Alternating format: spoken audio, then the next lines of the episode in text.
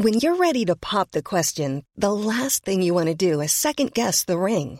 At Bluenile.com, you can design a one of a kind ring with the ease and convenience of shopping online. Choose your diamond and setting. When you find the one, you'll get it delivered right to your door. Go to Bluenile.com and use promo code LISTEN to get $50 off your purchase of $500 or more. That's code LISTEN at Bluenile.com for $50 off your purchase. Bluenile.com code LISTEN. Hey, it's Ryan Reynolds, and I'm here with Keith, co star of my upcoming film, If, only in theaters, May 17th. Do you want to tell people the big news?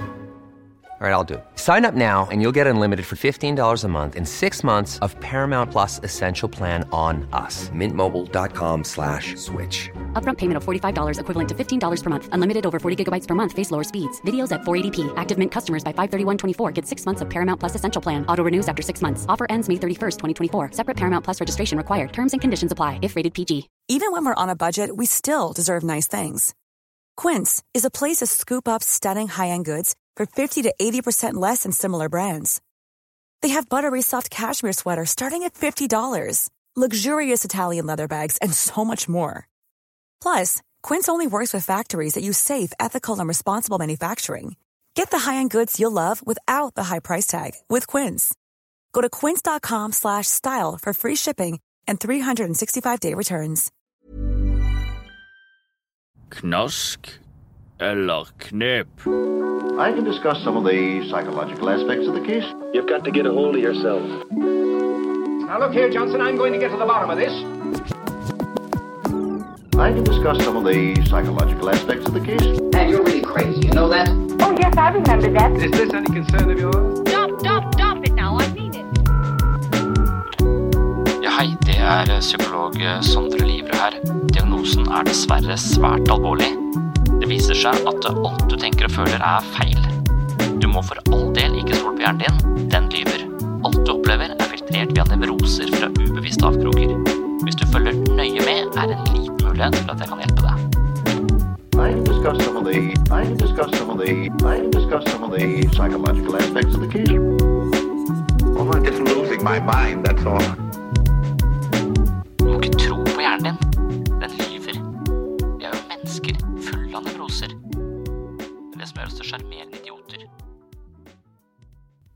Allehelgensaften, i nyere tid uoffisielt også kalt halloween, er dagen før allehelgensdag. Kvelden feires på ulike måter omkring i verden og er lagt til forskjellige datoer i ulike kirker og religiøse tradisjoner. Markeringen av kvelden er opprinnelig en hedensk feiring, denne keltiske høsttakerfesten Samain, som senere ble gjort om til en kristen skikk. Feiringen har i nyere tid utviklet seg til en ikke-religiøs høytid. I Norge feires allehelgensdagen, helgemessen som det også kalles, første søndag i november og allehelgensaften kvelden før. I privat regi er det flere som markerer allehelgensaften etter amerikansk tradisjon den 31. oktober, altså natt til 1. november, ved at utkledde barn går fra hus til hus og tigger godteri. Og det er jo der vi er akkurat nå, på selveste halloween, og her i min husstand så er denne høytiden blant de viktigste i året. Jeg tror kanskje at barna mine rangerer halloween høyere enn de rangerer selveste julaften, så det er jo litt spesielt. Og det handler om å kle seg ut som et eller annet skummelt og går rundt til naboene og true dem med represalier hvis ikke de får godteri.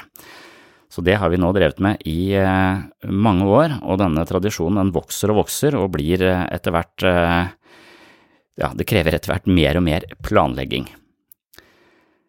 Så markeringen av denne amerikanske formen for allhelgensaften, altså halloween, ble beskrevet som en ny trend i Norge i 2000-årene, men oppslutningen ble av SIFO beskrevet som avtagende i 2010 og utover og som en dag som egentlig bare relativt få mennesker i den norske befolkningen markerte.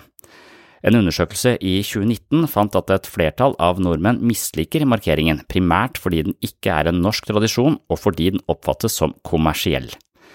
I de senere år har feiringen fått mer fotfeste i Norge, og det er primært et slags skummelt karneval med mulighet for å tilkjempe seg godteri hos naboer.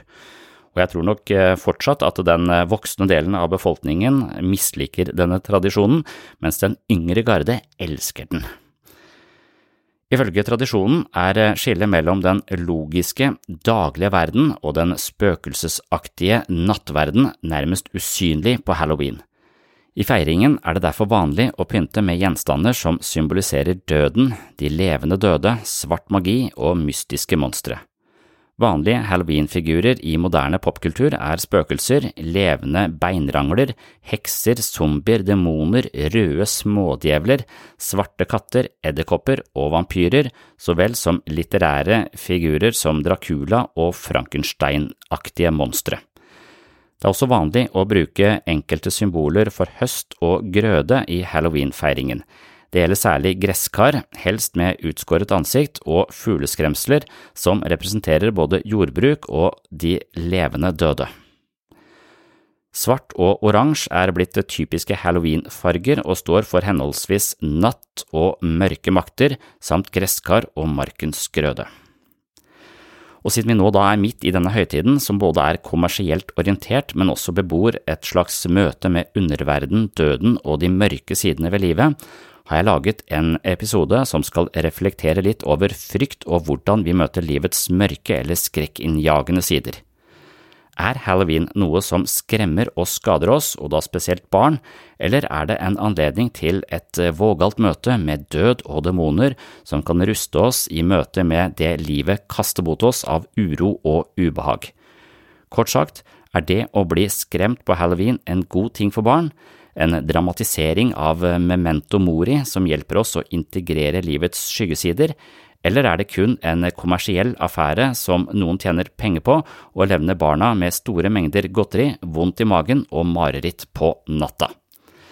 Før jeg drøfter halloween og mine egne erfaringer fra denne dagen, skal jeg snakke litt generelt om menneskets fryktmekanismer. Livet vårt styres av frykt i større grad enn vi kanskje tror. Mange mennesker lever på et bakteppe av bekymring, noe som fører til høyt blodtrykk, stress, indre uro, nedsatt immunforsvar og mageproblemer. Men hva er egentlig frykt? Inge han kan ikke krysse en travel gate uten å kaldsvette. Han kan heller ikke forklare hva han er redd for. Han vet ikke hva han forventer vil skje, han føler seg bare lammet av angst, og ofte må han få hjelp av andre for å krysse gaten. Jens er redd for frosker, så redd at han nekter å reise på campingtur med vennene sine. Andrea hater å snakke for mennesker, hun rammes av ukontrollerte skjelvinger og frysninger dersom hun må fremføre noe i en forsamling. I slike situasjoner er det så vidt hun eh, klarer å puste. Hun misliker sterkt å gå inn i et rom med mange mennesker fordi hun er eh, sikker på at hun vil pådra seg oppmerksomhet. Hun forventer at det hele rommet snur seg for å se på henne og det er alle disse blikkene som fremkaller ubehaget og frykten. Brian han er eh, syv år, eh, og han er en gutt som er redd for eh, matematikklæreren. De andre barna i klassen elsker henne, men han holder alltid en god avstand av grunner han selv ikke kan forklare. En gruppe turister ble jaget ut av en gammel landsby på grunn av bekledning og fordi de hadde med seg kameraer. Landsbybeboerne fryktet at deres eh, inntreden i landsbyen ville påkalle onde ånder og ødelegge avlingene. Frykt er så vanlig at vi sjelden tenker på dens eksistens, men hvis vi tar et eh, titt på historien, ser vi at det veldig mange hendelser skyller inn over menneskeheten på en bølge av frykt.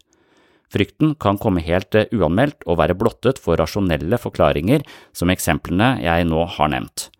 Frykt kan også opptre i forbindelse med minner fra tidligere hendelser som har eh, lært hjernen å signalisere en fryktrespons i tilsynelatende tilsvarende situasjoner.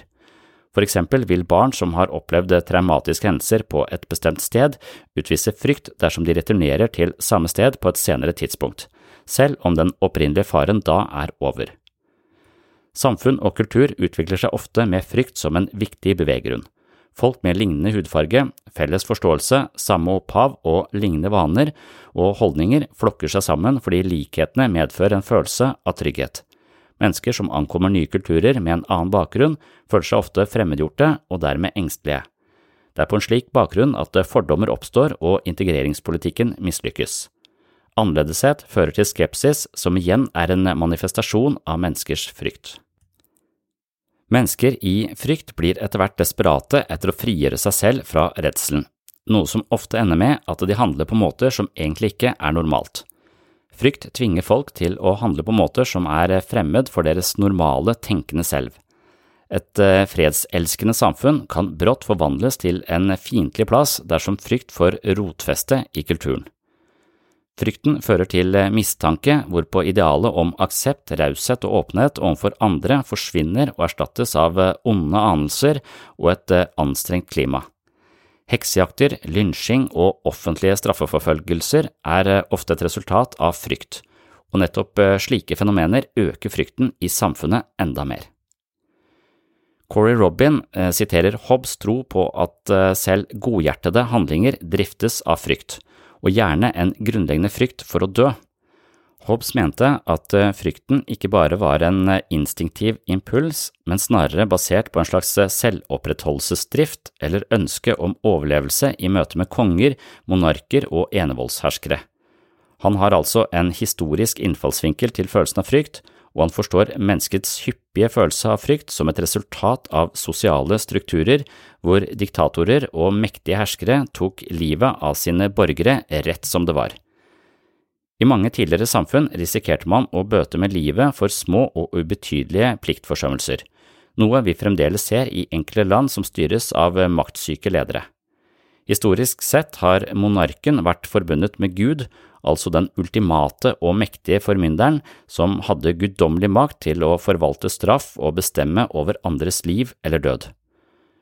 Mange vil også mene at frykt, angst, stress og redsel driver store deler av forbrukermarkedet. På sett og vis er alt fra bilforsikringer til medlemskap på treningssentre, fra antioksidanter til eh, ja, svineinfluensa eller andre typer influensa, da kanskje ikke nødvendigvis korona, men alt dette her er da solgt med en viss appell til menneskers bekymring og uro. Frykt er rett og slett en veldig effektiv faktor for å kontrollere og påvirke forbrukertrender. Å skape frykt blant mennesker og deretter tilby en frelsende løsning er det beste og eldste salgstrikset som finnes. I dagens eh, informasjonssamfunn foregår dette i langt større målstokk enn noensinne. Det nytter for eksempel ikke å bli politiker med kun optimisme og gode visjoner, man må også spille på folks eh, frykt for å vinne deres oppmerksomhet og tillit. Folk føler seg rett og slett forstått og til dels beroliget når man adresserer deres frykt og tar bekymringene på alvor. Frykt er egentlig en overlevelsesmekanisme, men ikke når den misbrukes. Frykt skaper stress, indre uro, høyt blodtrykk og nedsatt immunforsvar.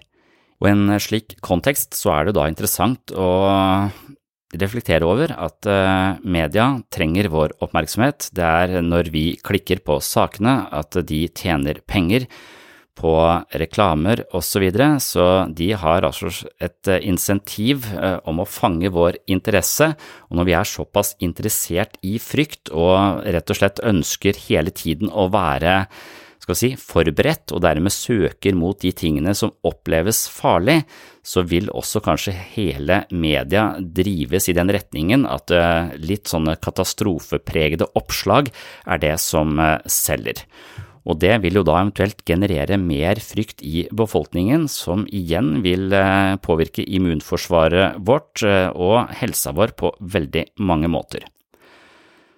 Som nevnt kan eh, man også forstå frykt som en nødvendig overlevelsesmekanisme. Dersom man kjører langs en vei og plutselig oppdager en lastebil på 30 tonn komme imot i samme fil, reagerer man som regel spontant med å svinge unna. I en slik situasjon er det ikke tid til å reflektere over hvorfor lastebilen ligger i feil fil, og hva man eventuelt burde gjøre nå. Slike tanker tar lang tid, og de vil forsinke unnamanøveren og dermed sørge for en kollisjon. I møte med farer handler mennesket på impuls. Vi styrer unna uten å tenke, noe som altså er livsviktig i en hel del situasjoner. Problemet oppstår når vi reagerer med frykt i situasjoner som egentlig ikke er livstruende. Frosker er alminneligvis ikke farlige, men eh, Jens reagerer likevel som om de er det. Når frykten overtar som følge av eh, ufarlige situasjoner, kaller vi det gjerne for angst. Angsten kobler ut eh, fornuften og fornuftig tankegang for å besørge vår overlevelse. Problemet til Jens er altså mangel på rasjonell refleksjonsevne i møte med frosker, hvorpå terapi handler om å styrke eh, hans eh, mer rasjonelle tankevirksomhet ved hendelser som dypest sett ikke er farlige. Når mennesker reagerer med frykt i situasjoner som ikke er farlige, er det ofte fordi vi har opplevd traumatiske hendelser i lignende situasjoner tidligere i livet. Vår mentale biologi har dermed kodet situasjonen som farlig, og overlevelsesimpulsene trer inn og overtar styringen. Mange mennesker sliter med angst som en følge av indre usikkerhet og tilsvarende feilslåtte fryktreaksjoner.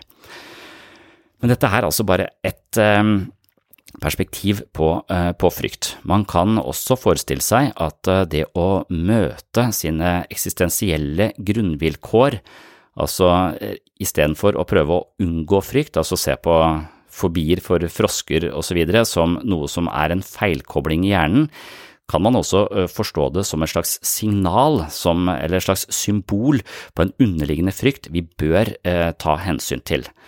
Så vi, jeg har flere ganger snakket om at uh, det å hele tiden se på våre feilslåtte fryktresponser som uh, en sykdom, ikke nødvendigvis er et uh, spesielt konstruktivt perspektiv. Man kan jo våkne på natta med hjertebank og kaldsvette og en indre uro som gjør deg kvalm. Og Hvis du da leser Kirkegård, så vil han påstå at du er hjemsøkt av en tjenende ånd som tvinger deg til å ransake sjelen din.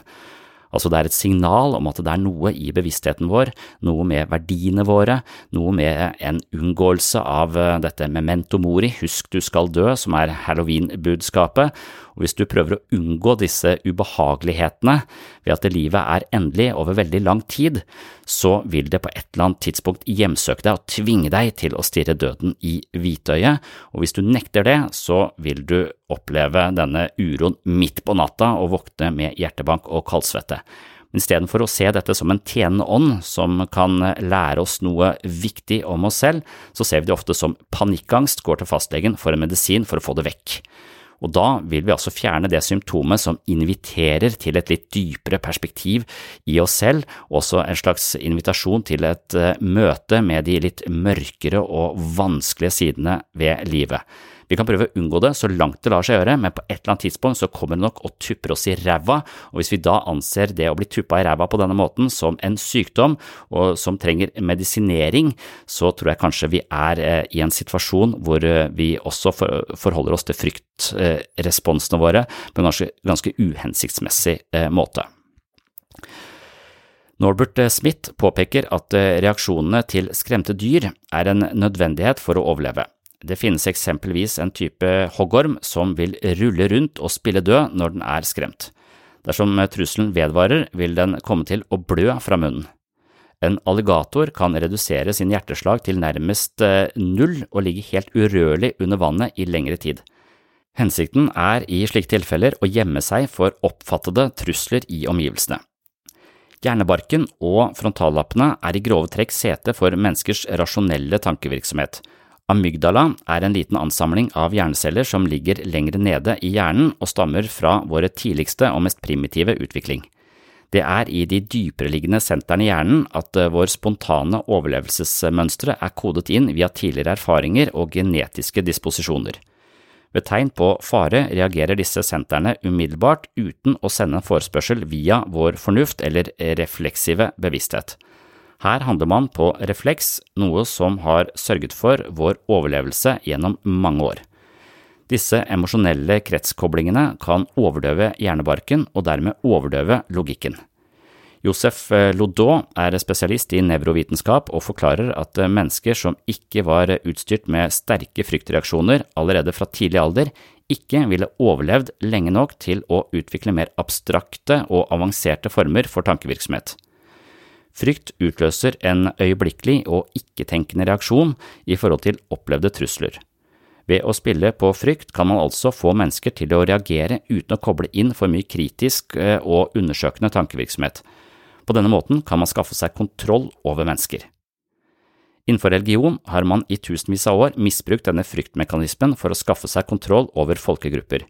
Ved å true mennesker med helvete og samtidig tilby dem frelse ved å følge visse regler og holdninger, har man etablert et effektivt system som holder et strengt oppsyn med menneskers handlingene.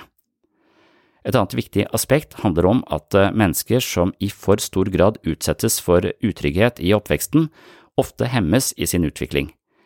Det beror på at deres mentale energi knyttes opp i frykt og bestrebelser på overlevelse, hvorpå normal utfoldelse og nysgjerrig utforskning av seg selv og livet kompromitteres. Veldig mange av pasientene i psykisk helsevern har hatt for lite trygghet i sin oppvekst, hvorpå de i dag sliter med en overdose frykt som spiller seg ut på mange arenaer i deres liv og ødelegger livskvaliteten.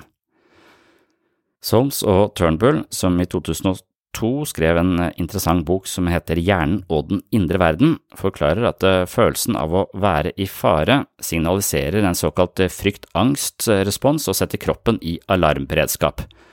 Musklene forberedes på en fryktrespons, og det krever mye energi. Pulsen øker mens pusten blir grunnere og raskere, blodstrømmen økes til de store muskelgruppene eller skjelettmusklene slik at kroppen kan bevege seg hurtig unna. Det betyr igjen at det frigis lite blod til blant annet fordøyelsessystemet, noe som betyr at overflødig frykt fører til diaré og mageproblemer. Mange mennesker som er stressa eller bekymra i sin hverdag, sliter nettopp med mageproblemer. Ofte er det ikke klart at de lever livet på et bakteppe av bekymring, hvorpå de forsøker å finne forklaringer på sine mageproblemer i forhold til allergi og andre somatiske årsaksfaktorer. Det finnes også eksempler på litt ekstreme personligheter som ikke lar seg avskrekke av dødsstraff eller halsbrekkende stunts hvor livet står på spill. Noen av disse betrakter vi som helter fordi de eksempelvis motarbeider grusomme tyranner uten hensyn til den risikoen de utsatte seg selv for på et slikt, på et slikt oppdrag. Selvopprettholdelsesdriften fra nød og død eksisterte etter alt å dømme ikke på dagsorden for disse personene. Vi kan også finne et fravær av frykt hos mennesker som ofte tyr til impulsive eller voldelig atferd. De durer frem uten hensyn til konsekvenser eller frykt for represalier og rettsforfølgelse. Denne typen fryktløshet kan ha sin rot i en kulturell forestilling om at kompromissløs fremferd forbindes med heltemot, og det kan være en til dels skadelig beveggrunn i et sivilisert samfunn. Max Manus er et eksempel på en person som utviste mot og styrke da han hoppet opp av skyttergraven og satte seg selv i livsfare for å beseire fienden. Han overlevde, og han fikk eh, krigskorset for sin innsats. Spørsmålet er om den samme atferden ville gagne ham i fredstid. Det hender at eh, fryktløse mennesker fungerer godt i krig, men at de faller gjennom i situasjoner som krever ettertenksomhet og tilbakeholdenhet i sosiale sammenhenger. Fraværet av frykt kan også betraktes som en form for eh, uskyld, i en slik kontekst forstår vi det som naivt eller manglende innsikt i årsak-virkning-forhold. Et barn som krysser en overfylt gate uten kjennskap til møtende fotgjengere og biltrafikk, kan oppfattes som fryktløs, mens det egentlig handler om mangel på erfaring. Her er det altså mangel på frykt som følge av for lite bevissthet rundt livets risikomomenter. Solms og Turnbull eh, de påpeker at eh, fryktløshet er i strid med organismens primære mål om å overleve. De påpeker en sjelden nevrologisk lidelse som følge av en metabolsk tilstand der amygdala, sete for denne fryktresponsen i hjernen, lider av selektiv bilateral lesjoner. Denne tilstanden kjennetegnes av fraværet av frykt under forhold som åpenbart er farlige. Her foreligger det en blind tillit med praktisk talt ingen fornemmelse for fare. Og hvis du har sett denne Fri Solo-filmen, han fyren som driver og klatrer opp tusenvis av meter uten sikring, så kan det nok være at han beveger seg i dette landskapet med en eller annen selektiv bilateral lesjon i denne amygdala-delen av hjernen sin, for han virker totalt uredd, hvor han driver og setter livet sitt i fare gang på gang. Så disse menneskene de regner heller ikke ut at eh, andre menneskers potensielle reaksjoner, eh, det gjelder kanskje ikke Hanne fri solo-fyren, men når du ikke kalkulerer med fare, så er det også vanskelig å se hvordan andre mennesker eh, kan potensielt sett reagere i situasjoner som de oppfatter som ganske farlige hvorpå denne typen mennesker uten frykt risikerer å støte sammen eller angripes på grunn av sin egen fryktløse fremferd. Alvorlige tilfeller av denne tilstanden representerer eh, mange problemer for individet. Ofte mangler de innsikt i sosiale normer og regler, hvorpå de ofte ryker uklare med sine omgivelser. I tillegg løper de hele tiden en enorm risiko, rett og slett fordi de kan eh, være ganske farlig å leve. Så dette her var en eh, kort oversikt over eh, menneskets fryktresponser. Vi må ha de. Har vi for mye av de, så blir det slitsomt. Har vi for lite av de, så blir det livsfarlig. Og noen ganger så ser vi på angst- og fryktresponser som noe uhensiktsmessig, noe som skal justeres og korrigeres for med medisiner eller psykoterapi. Og det kan tenkes at det er et eh, godt perspektiv i visse henseende, men av og til så tror jeg også at eh, fryktresponsene våre, som kanskje virker litt eh, uregulerte, kan eh, peke oss i retninger av noen viktige temaer som ligger i dypet av bevisstheten vår.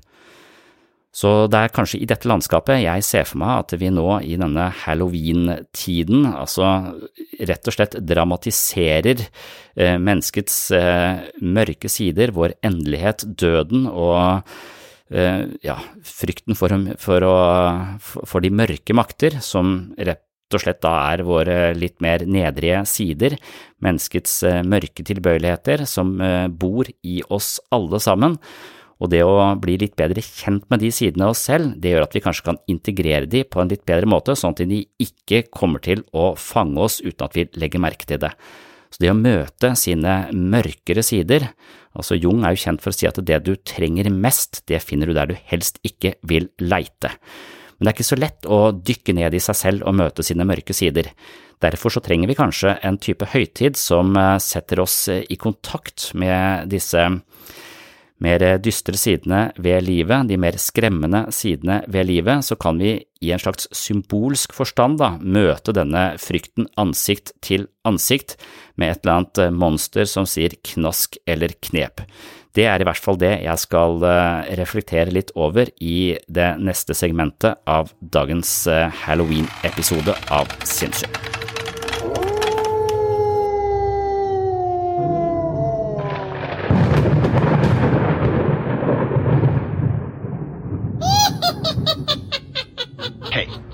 It's almost Halloween, and you know what that means. It means bad Halloween jokes. So here's my first one. why didn't the skeleton go to the Halloween dance? Because he didn't have any body to go with.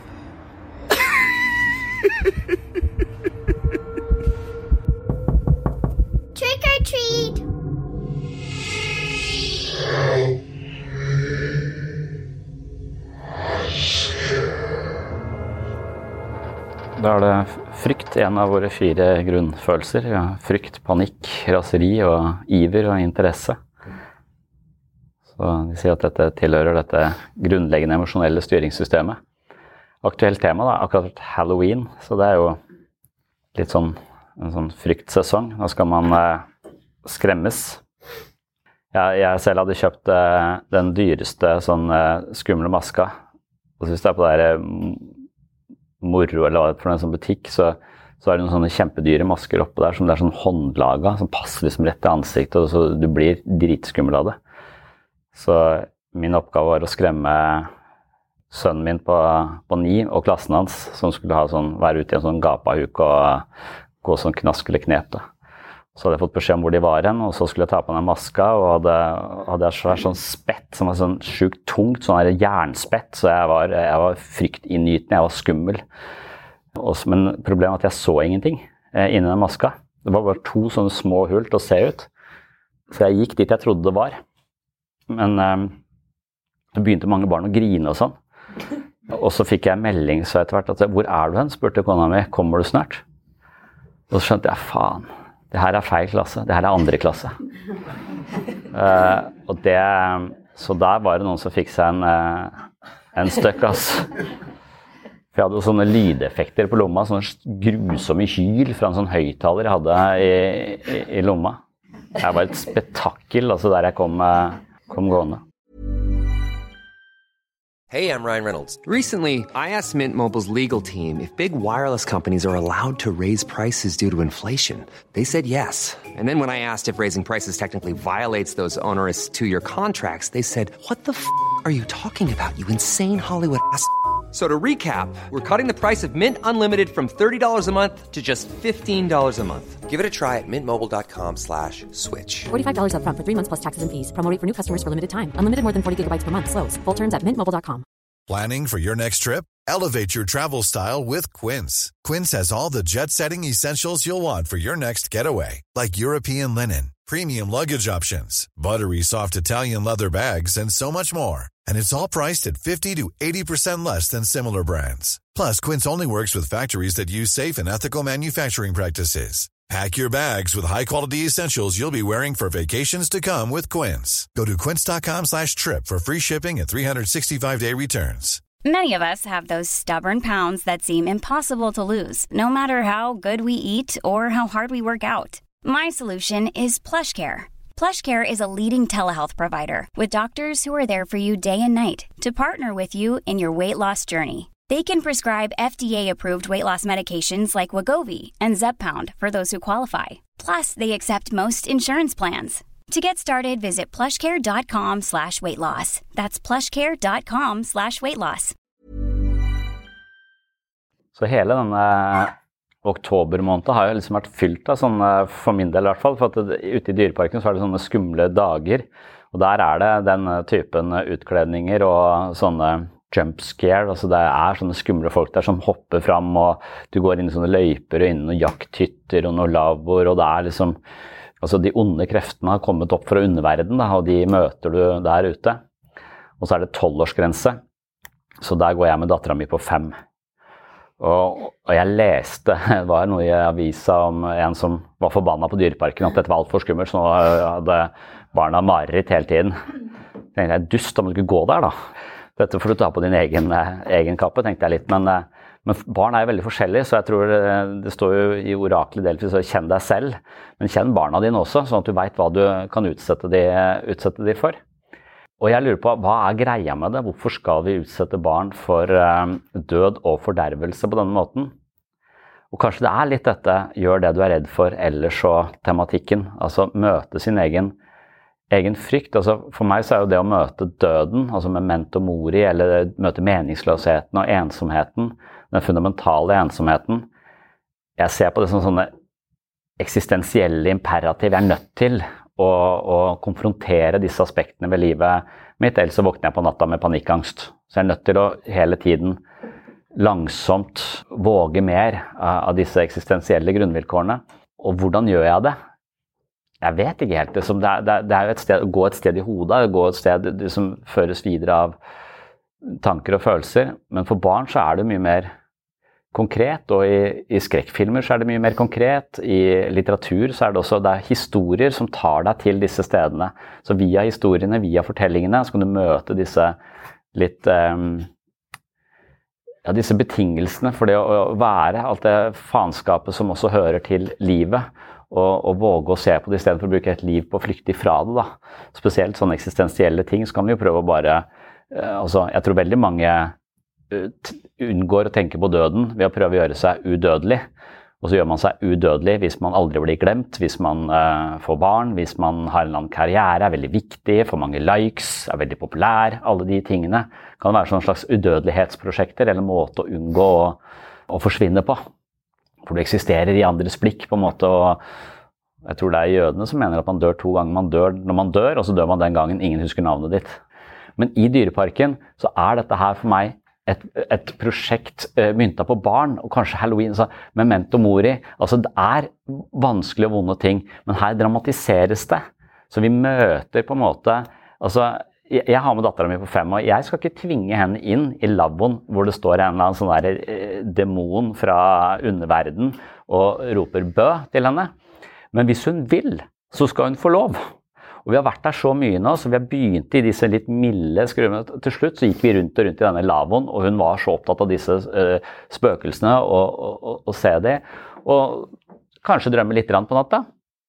Men ifølge psykoanalytikere så vil jo det inni inn barnet sitt hode så er det jo både faderdrap og moderdrap og alt mulig faenskap i fantasien deres fra før, så dette her var vel ikke så mye, så mye verre. Men, men, jeg vet ikke, er dette For meg så blir, det, blir dette en sånn, for barn også et prosjekt hvor du kan nærme deg frykten altså i, i ganske sånne litt sånne lekne rammer. Det er noen som har kledd seg ut, de symboliserer noe. Vi vet at det er utkledding, men, men det er liksom leken som er mellom fantasien og selve livet. Så for meg så skaper det et lekende rom hvor du kan langsomt møte dette ubehaget. Og hvis du flykter fra det, så er det helt greit. Det der kan være over terskelen for hva folk Det er derfor de har satt tolvårsgrense.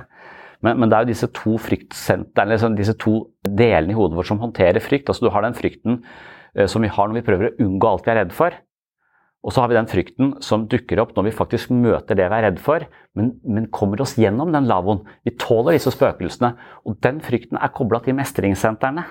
Så, så du, våger, du, du, du, eier livet ditt, du har valgt det selv. Ikke, hvis jeg kaster henne inn, jeg tvinger henne gjennom det her, så blir det noe helt, helt annet. Da blir det en, en, type situasjon som man ikke bør være veldig stolt av som, som forelder. Men, men, at det er mulig å møte Det er i ren sånn, litt sånn billedlig forstand døden, for det møter du i, i Dyreparken. Så jeg tenkte at det egentlig var et ganske interessant prosjekt. At hele oktober handla litt om å, å, møte disse skumle sidene ved, ved, livet. Og at vi kom litt sånn styrka ut av det. Men du kan også komme ut av det med PTSD og mareritt, da. Eller kan du det? Altså, det kommer an på hvordan du tolker det, tolker det kanskje. Ja, jeg vet ikke om det symboliserer døden, akkurat disse demonene. Det, det symboliserer vel kanskje alt som altså, For meg så, så, er det et slags narrativ. Det er en skogvokter, og det er noe som ødelegger naturen. Og det er et um, så, så, disse demonene er jo oss, tenker jeg. Altså, det der er uh, meg når jeg ikke kildesorterer. Bare se. Det er de onde kreftene i, i mennesket. disse så, så det, da, det kan tolkes og forstås på mange, mange nivåer, men denne dødsbevisstheten dukker jo opp eh, i barn. Kanskje ikke så tidlig, jo faktisk så tidlig som fem. Hva er døden? Stiller veldig masse spørsmål uh, om det. Hvem skal passe på meg når du dør? Altså, og, og så videre. Så mange sånne. Men, men, men litt sånn leke nysgjerrighet foreløpig. Ikke dette, dette voldsomme alvoret eh, som, som, kommer når det blir litt eldre igjen. Nei, nei det, er sånn sånn er det ikke sikkert i det.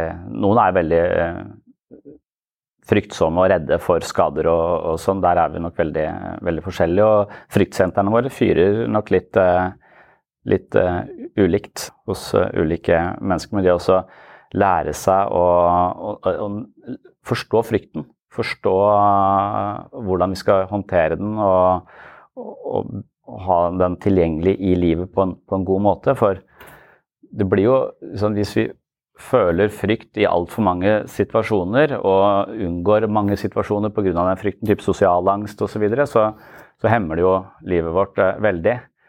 Men hvis vi tenker at all frykt er feil, altså vi trenger ikke være redde, så blir vi jo spist opp eller eh, overfalt eller rana eller banka opp. Eller, så det er et signal vi også er nødt til å, vi er nødt til å finne ut av når denne frykten representerer eh, virkeligheten på en, på en måte vi må, må, lytte til. Så det er så mange nyanser i frykt, det, tror jeg.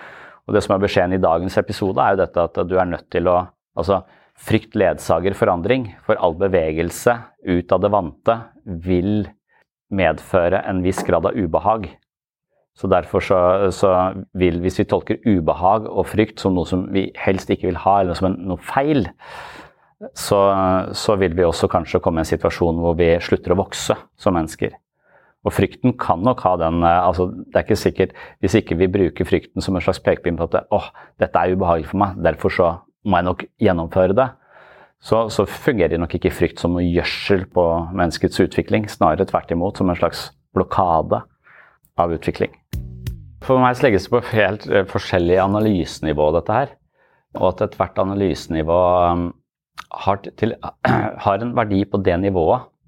Så f.eks. å å endre tankegangen sin av den positive psykologien, så er det jo klart at det, hva slags standard vi setter, hva vi anser som bra og dårlig, hele dette operativsystemet vårt vil jo farge enhver opplevelse av livet. Og hvis den hele tiden er selvkritisk og, og devaluerende og uansett har så høy standard at du aldri når de, så er det type mentale feller som vil forpeste livet ditt, garantert. Så hvis du klarer å overbevise deg selv om at du kan legge standarden et litt annet sted, være fornøyd med, sette pris på det du har, istedenfor hele tiden tenke at det er feil og du skal noe annet sted. Hvis du klarer å innføre en del sånne type snuoperasjoner i tankegangen, så kan det helt sikkert påvirke livskvaliteten din. For det er jo tross alt operativsystemet i huet ditt. Men, men så vil jo kritikken av det vil være i neste omgang fra den mer østlige tradisjonen at så lenge du tror på tankene dine, så er du fucked. For det er helt random om du kommer til å tenke positivt eller negativt. altså Tankene dine speiler uansett ikke virkeligheten. Så du kan godt lure deg til å tro at det skal være veldig positivt og smile eh, sånn panikkarta nærmest lenge, men du er fortsatt fanget av egoet ditt. Så selv om du nå klarte å tenke litt positivt, rundt neste sving så kan det godt være du er tilbake til å tenke, tenke negativt. og det er jo like, Så lenge du tror på innholdet i bevisstheten din, så, så vil du liksom bare da kjempe denne evinnelige kampen om hvordan du Det gode mot onde i tankegangen din. Da. Og at det er et, et ganske panisk og utmattende prosjekt. Så for dem så sier de bare skjønn at alt du tenker og føler er feil. Eller skjønn at du er ikke tankene dine, og ikke identifiserer deg med, med egoet ditt. Og så kan man også si at hvis du hele tiden skal tenke positivt, altså blir det naiv, eh, eller, eller vil, også, vil, det være en slags unnvikelse av muligheten til å møte monstrene i dyreparken, på en måte? Altså møte, møte det, det, mørke, mørke sidene ved mennesket, fordi det blir pakka inn i en sånn slags idyll. Og det høres ut som en gedigen unnvikelse. Men jeg tror ikke det er det den positive psykologien mener. Jeg tror bare den mener å påpeke at måten du bruker tankene dine på, det kommer til å påvirke livet ditt. Så vær litt obs, for normalt sett så går du ikke rundt og er sånn opplyst som en munk. Så da tror du på tankene dine. Så da kan det være like greit at de litt uh, gir deg grei livskvalitet, uh, istedenfor at de er fullt av eh, depressivitet og, og, frykt. Hun har en sånn lang forsvarstale mot, mot, det å tenke positivt. Hun mener at det er en god strategi, og så, sånne, så kommer hun disse innvendingene i forkjøpet ja, For det første så sier hun jo at, eh, at 90% av det vi bekymrer oss for, det skjer ikke. Så Derfor så, så er det unødvendig. Men så sier hun ja, men det er vel og bra å tenke positivt når det gjelder bagateller. Men det gjelder de store tingene i, i livet. Og så kommer hun med kreftsykdommen sin. At det var nettopp hennes innstilling til uh, hele det å være syk som hun tror hjalp henne på beina igjen. Og hvis hun hadde vært, eh, hatt et uh, negativt filter der også og tenkt det verste, så mener hun at uh, utfallet av den sykdommen også hadde blitt kanskje annerledes. Hun mener at holdningen til sykdom også spiller en, en rolle.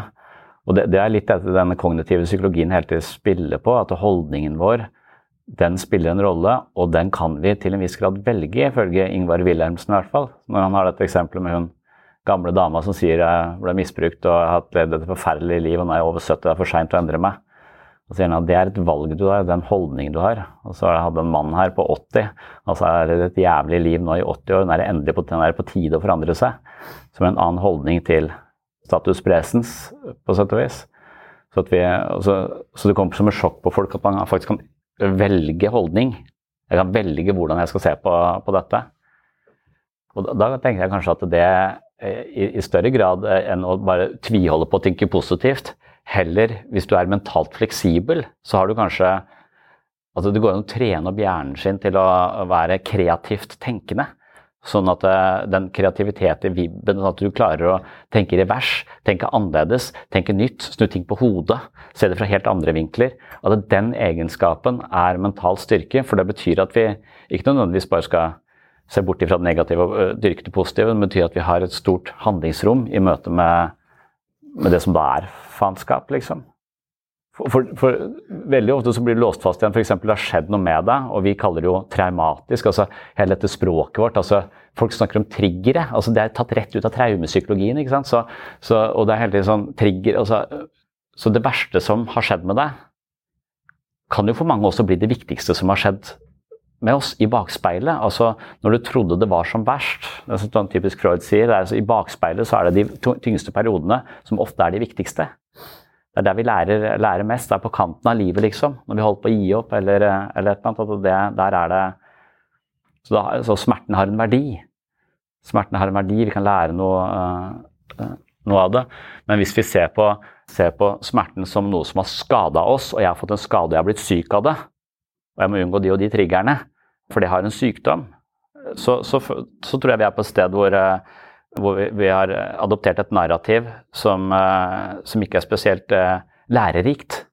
Så hun mener hvis du klarer å snu det fra det var helt forferdelig til det var jævlig, men ganske lærerikt, så, så har vi også kommet et langt stykke på vei. Man kan fortsatt kanskje tenke at det er litt overfladisk, jeg vet ikke.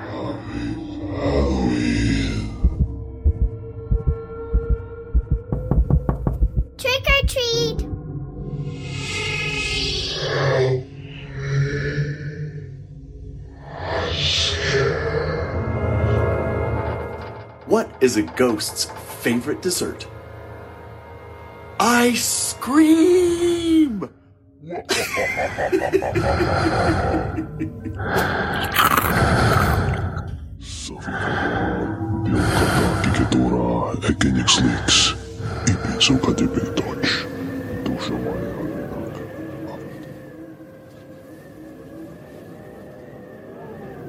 Det var det jeg hadde for denne gang.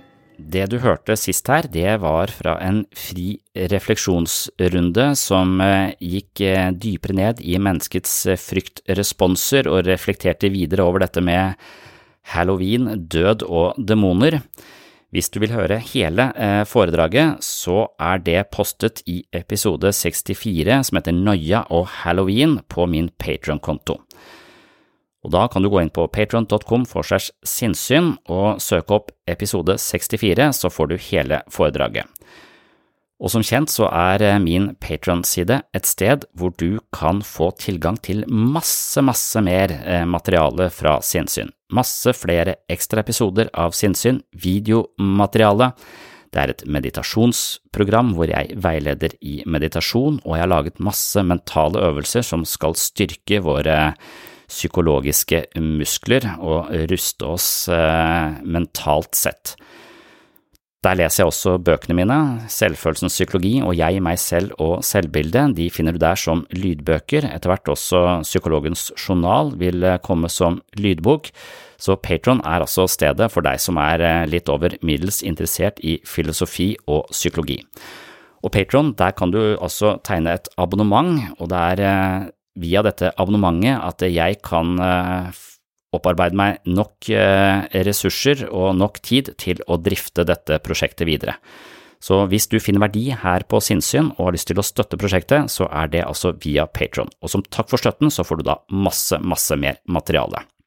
Og det er altså på grunn av eh, Patron-lyttere at jeg da har eh, kapasitet til å prioritere dette prosjektet her hver eneste uke, lage nye episoder og utvikle nye programmer, blant annet dette meditasjonsprogrammet inne på Patron, som eh, jeg syns er kjempegivende. Det er kjempegøy å lage denne podkasten, men det er også tidkrevende, og det er kostnadskrevende. Men nå så gjør jeg dette øh, med letthet fordi jeg altså får støtte fra Patron-lyttere. Så som øh, abonnement på mitt såkalte mentale øh, helsestudio inne på Patron, så kan du velge mellom et abonnement som koster 50 kroner i måneden, 80 kroner i måneden eller 130 kroner i måneden, og ut ifra det nivået du går inn på, så vil du også få da masse ekstramateriale. Så tusen takk til dere som støtter meg på Patron, og ja, takk til alle dere andre som hører på Sinnsyn. Og hvis du ikke er Patron-supporter, så kan du kanskje vurdere det hvis du vil eh, høre mer om halloween og frykt, og ja, selvfølgelig masse, masse annet. Og så er det også andre måter å støtte dette prosjektet på, for eksempel å gi det likes, eh, eller hva skal man si, eh, gi det stjerner i iTunes. Jeg vet ikke om det også er mulig å komme med tilbakemeldinger på Spotify, men eh, hvis man eh, gir eh, denne podkasten stjerner i iTunes, så kommer jeg litt høyere opp i rangeringa der inne, og da blir jeg litt synligere for flere, og det kan spre budskapet litt lengre. Så tilbakemeldinger, hvis du har tid til å skrive en liten tilbakemelding og gi meg noen stjerner der, så setter jeg stor pris på det. En annen måte å støtte prosjektet på er jo å anbefale podkasten til venner og bekjente hvis du liker det du hører her inne.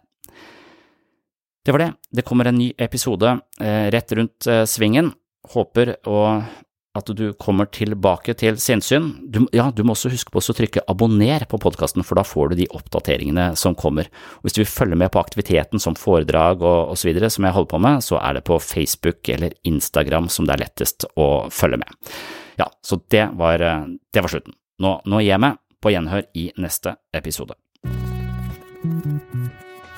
Oh, I'm just losing my mind, that's all.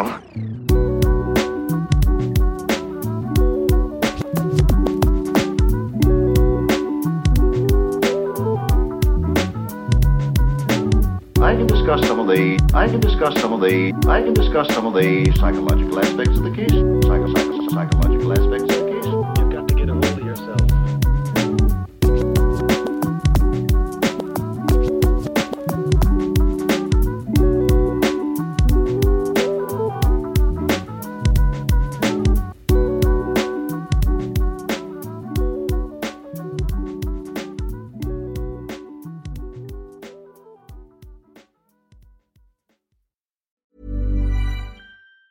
Planning for your next trip? Elevate your travel style with Quince. Quince has all the jet setting essentials you'll want for your next getaway, like European linen, premium luggage options, buttery soft Italian leather bags, and so much more. And it's all priced at 50 to 80% less than similar brands. Plus, Quince only works with factories that use safe and ethical manufacturing practices. Pack your bags with high-quality essentials you'll be wearing for vacations to come with Quince. Go to quince.com slash trip for free shipping and 365-day returns. Mom deserves the best, and there's no better place to shop for Mother's Day than Whole Foods Market. They're your destination for unbeatable savings, from premium gifts to show-stopping flowers and irresistible desserts. Start by saving 33% with Prime on all body care and candles. Then get a 15-stem bunch of tulips for just $9.99 each with Prime. Round out Mom's menu with festive rosé, irresistible berry chantilly cake, and more special treats. Come celebrate Mother's Day at Whole Foods Market.